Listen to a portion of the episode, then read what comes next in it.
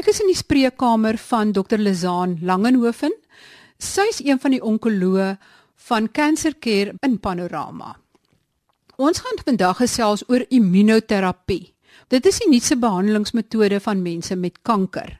Maar Dr. Langenhoven, wat is die verskil tussen chemoterapie, getekende terapie en immunoterapie? As ons nou 'n soort van sommer so kan wegspring om dit net te vergelyk met ander behandelingsmetodes wat beskikbaar is. Kom ons begin dan somme met die verskil tussen die modaliteite wat ons het.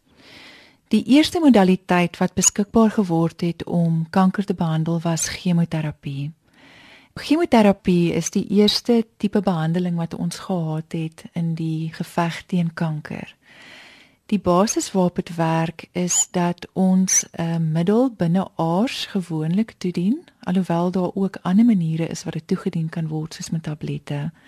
Hierdie middel gaan dan binne in die bloed stroom, beide na gesonde selle en na kankerselle. Die verskil hoe hierdie twee selle reageer teenoor die chemoterapie is eintlik waar die sukses lê. Gewone selle soos byvoorbeeld die haarfollikels sal 'n besering opdoen, maar dit vermoë om te herstel want ons weet tog ons hare gaan weer teruggroei. Maar kankerselle het nie hierdie vermoë om te herstel nie en hulle gaan dood nadat hulle in aanraking kom met die chemoterapie.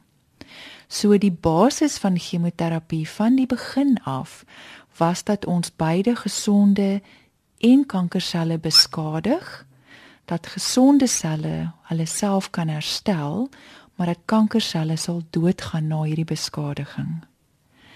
Die volgende generasie wat ons as onkoloë ontwikkel het, was wat ons noem getekende behandeling.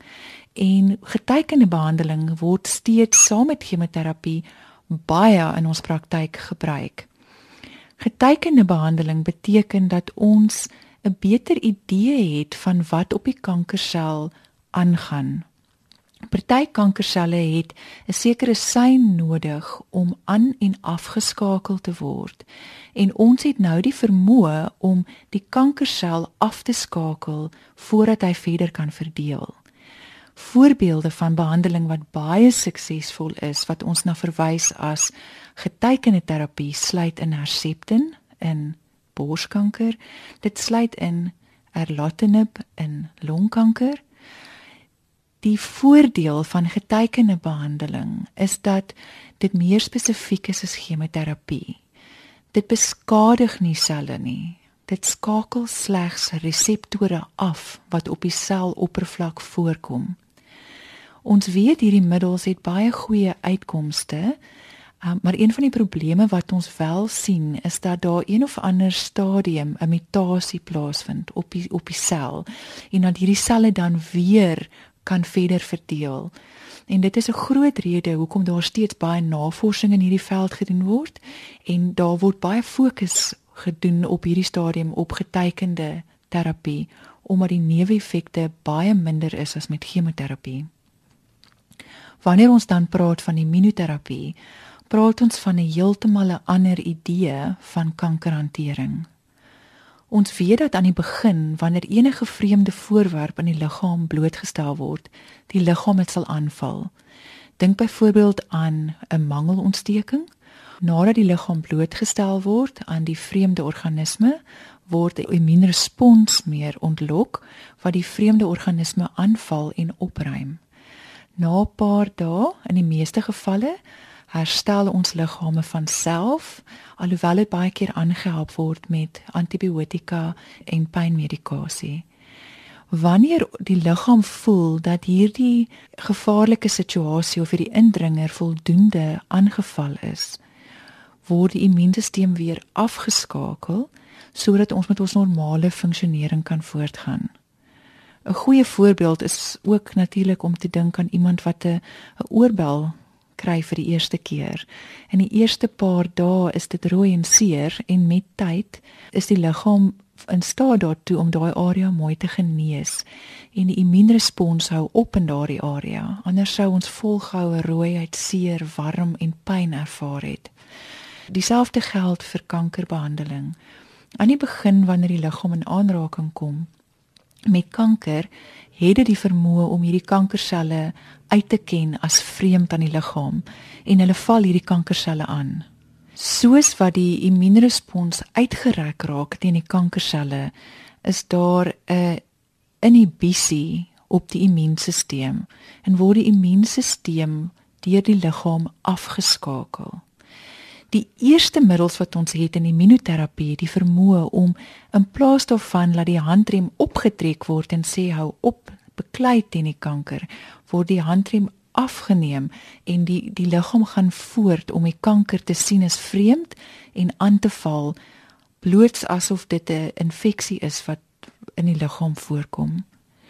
Soos ons ondervinding meer geraak het met immunoterapie, kon ons immunoterapie meer fokus en en heidaglik het ons 'n manier waar ons op die T-selle wat kanker aanval het het ons 'n manier om uit te werk op hierdie T-selle om te keer dat hulle afgeskakel word en intedeel hierdie selle aan te skakel om die kanker aan te val. Met ander woorde, kan mens dit opsom deur te sê dat chemoterapie skiet soos 'n haalgeweer en terwyl getekende terapie skakel is op die reseptor wat dan sekere prosesse afskakel en dan is immunoterapie wat weer die liggaam se eie immuunrespons wakker maak of aan die gang hou. Ek het ook verneem dat chemoterapie is meer effektief in selle wat in 'n sekere verdelingsfase is.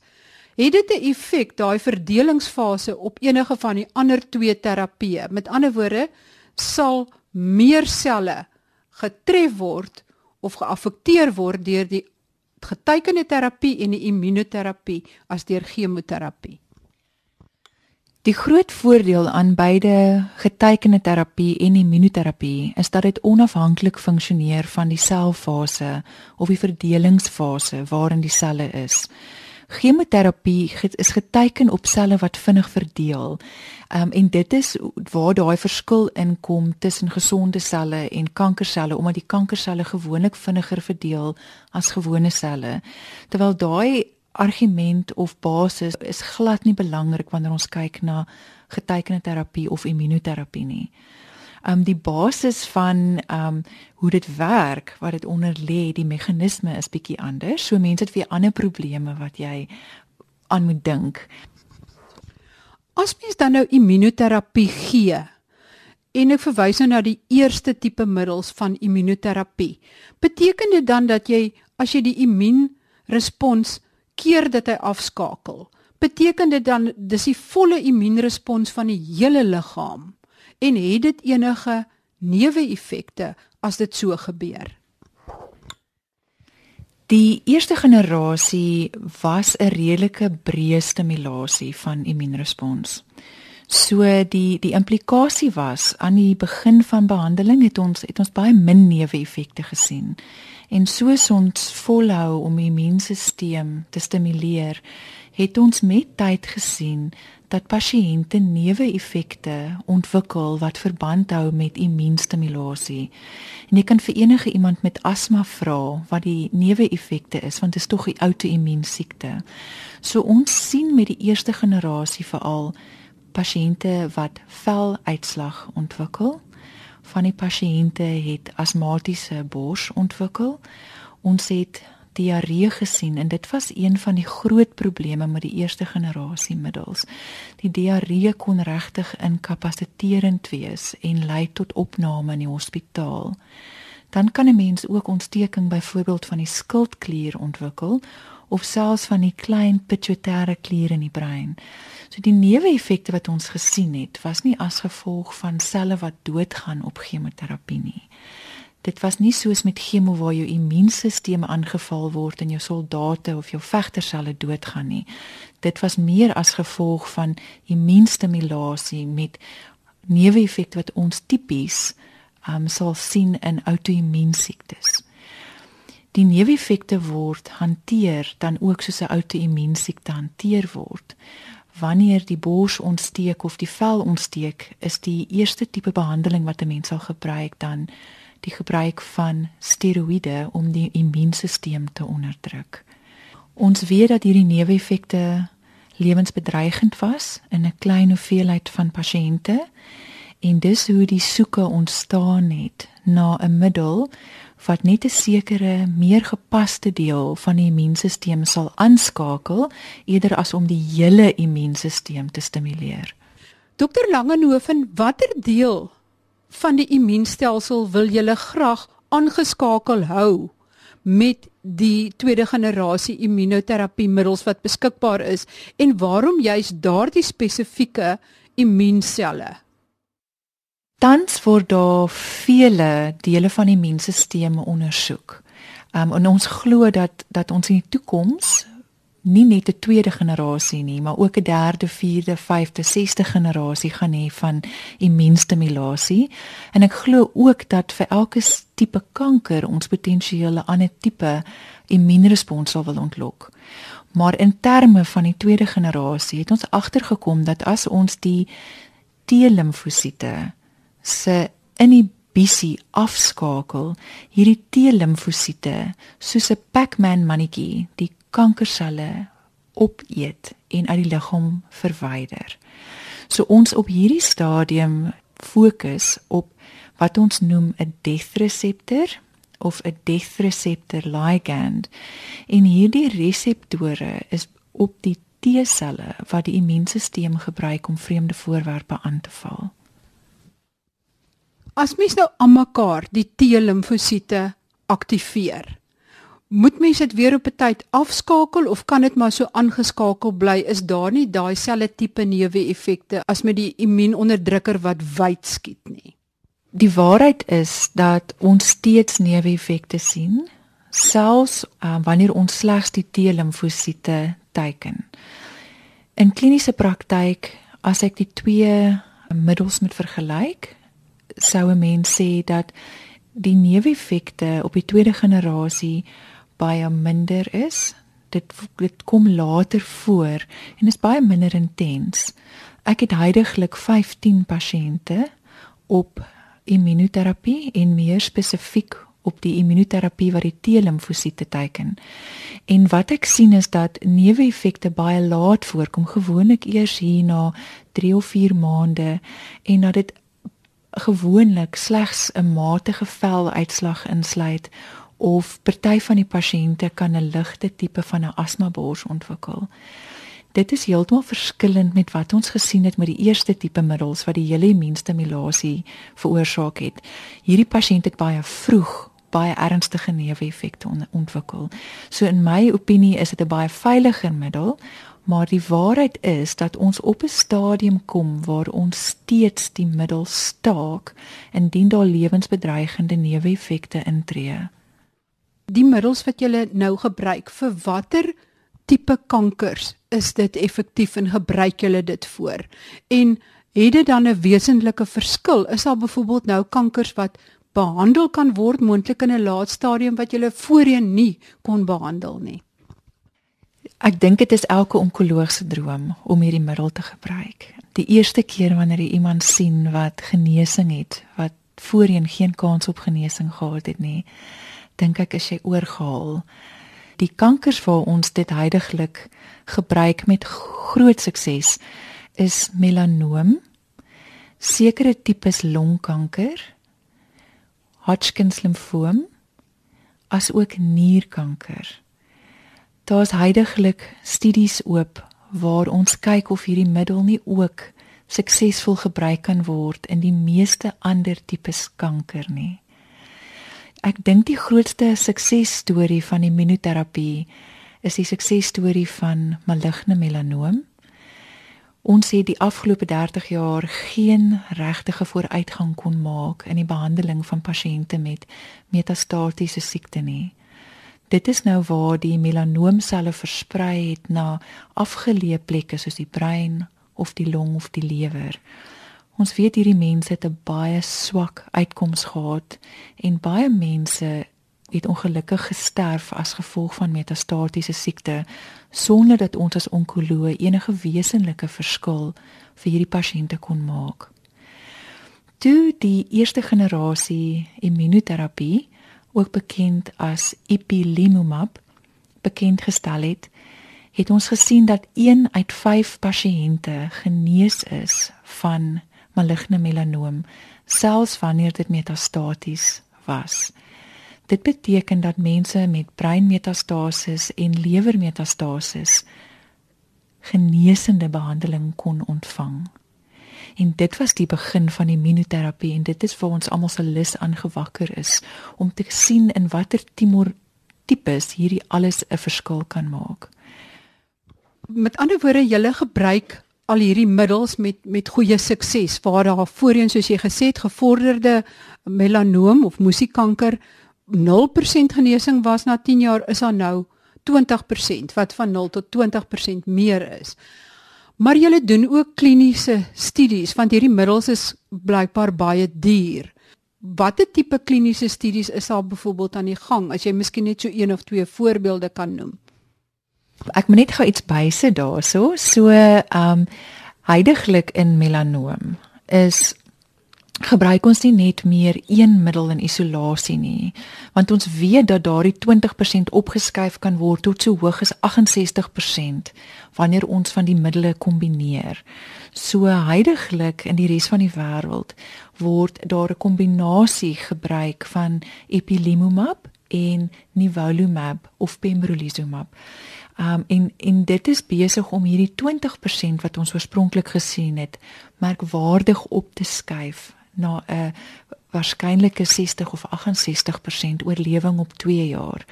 Ons weet dat pasiënte wat op 2 jaar oorleef waarskynlik langtermyn oorlewing gaan hê indien hulle nie genees is nie. sien julle dit ook in longkanker en in Hodgkin limfoom? Die waarheid is dat heidaglik die middels nie 'n wonderwerk vir elke pasiënt in elke kankertipe is nie die genesings wat ons sien in metastatiese siekte is in die minderheid. So van die 15 pasiënte wat ek het in longkanker op nivolumab is waarskynlik 3 van hierdie pasiënte in wat ons sê langtermyn remissie. Die ander pasiënte kry steeds voordeel uit die middel in dat die kanker nie vererger nie en dat hulle nie ernstige neeweffekte het nie. Maar vir die meerderheid van pasiënte het hulle nie hierdie wonderlike genesende respons op die behandeling nie. Die probleem wat ons het tans in kliniese praktyk is dat hierdie middels nie in Suid-Afrika befonds word deur mediese fondse tot 'n groot mate nie. Heidiglik word die eerste linie befonds deur sekere van die fondse en die kostes beloop gewoonlik meer as 'n miljoen rand per middel per siklus. Wanneer hierdie middels in kombinasie gebruik word, kyk ons maklik na bedrae van 3 of 4 miljoen rand per pasiënt per behandelingsperiode. Dit beteken dat baie min mense kan instap met 3 of 4 miljoen rand in hulle sak en kan aansoek doen of kan vra om hierdie middel te ontvang. So heidaglik is die meeste pasiënte in Suid-Afrika wat hierdie middele ontvang, deel van 'n kliniese proef.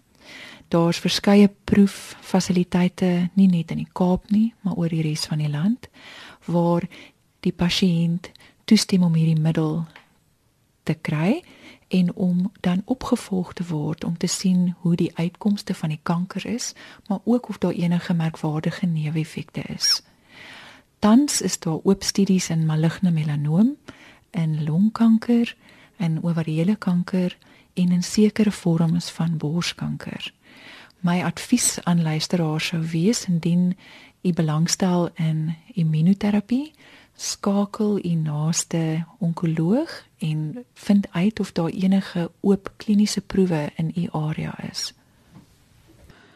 Dit was aan my gas Dr. Lizaan Langenhoven onkoloog verbonde aan Cancer Care in Panorama Wes-Kaap. Ek som net baie vinnig op. Ons ken dan chemoterapie. Dis die haalgeweerbehandeling wat gesonde en kankerselle wat besig is om te verdeel doodmaak. Dis is chemoterapie meestal doeltreffend as behandeling teen vinnig verdelende kankers, soos veral kankers in kinders, maar dit het baie neeweffekte en soos ek gesê het, dis 'n haalgeweerskoot wat wyd skiet. Dan kry mens getekende behandeling wat dikwels saam met chemoterapie gegee word. Die middels bind op 'n reseptor op die kankersel en skakel aan die kankersel af sodat dit nie verder kan verdeel nie en bekende middels is soos Herceptin. Maar sodra die kankerselle muteer wat wel kan gebeur, dan kan hierdie kankerselle weer verder verdeel en die kanker kan weer opvlam. Maar daar is beslis minder neeweffekte en dis meer geteken. Dan kry mens immunoterapie. Immunoterapie keer dat die immuunstelsel wat aanvanklik aangeskakel word as hy vreemde selle in die liggaam herken, soos byvoorbeeld virusse, bakterieë en ook kankerselle, maar na rukkie skakel hy outomaties af, maar die immunoterapie keer dat die immuunstelsel outomaties weer afskakel. Met immunoterapie is die neeweffekte baie minder en dit kom baie later voor. En in die tweede generasie immunoterapie-middels wat nou gebruik word, is daar 'n sekere soorte kanker wat in 'n baie laat stadium is, nou genesing vir 'n sekere persentasie mense. Soos byvoorbeeld melanoom wat al baie ver gevorder het, byvoorbeeld tot in die brein en in die lewer, kan selfs tot 68% van mense nou wel oorleef. Dan word dit ook gebruik in sekere soorte longkanker en in ander kankers. Gaan gerus na www.rsg.co.za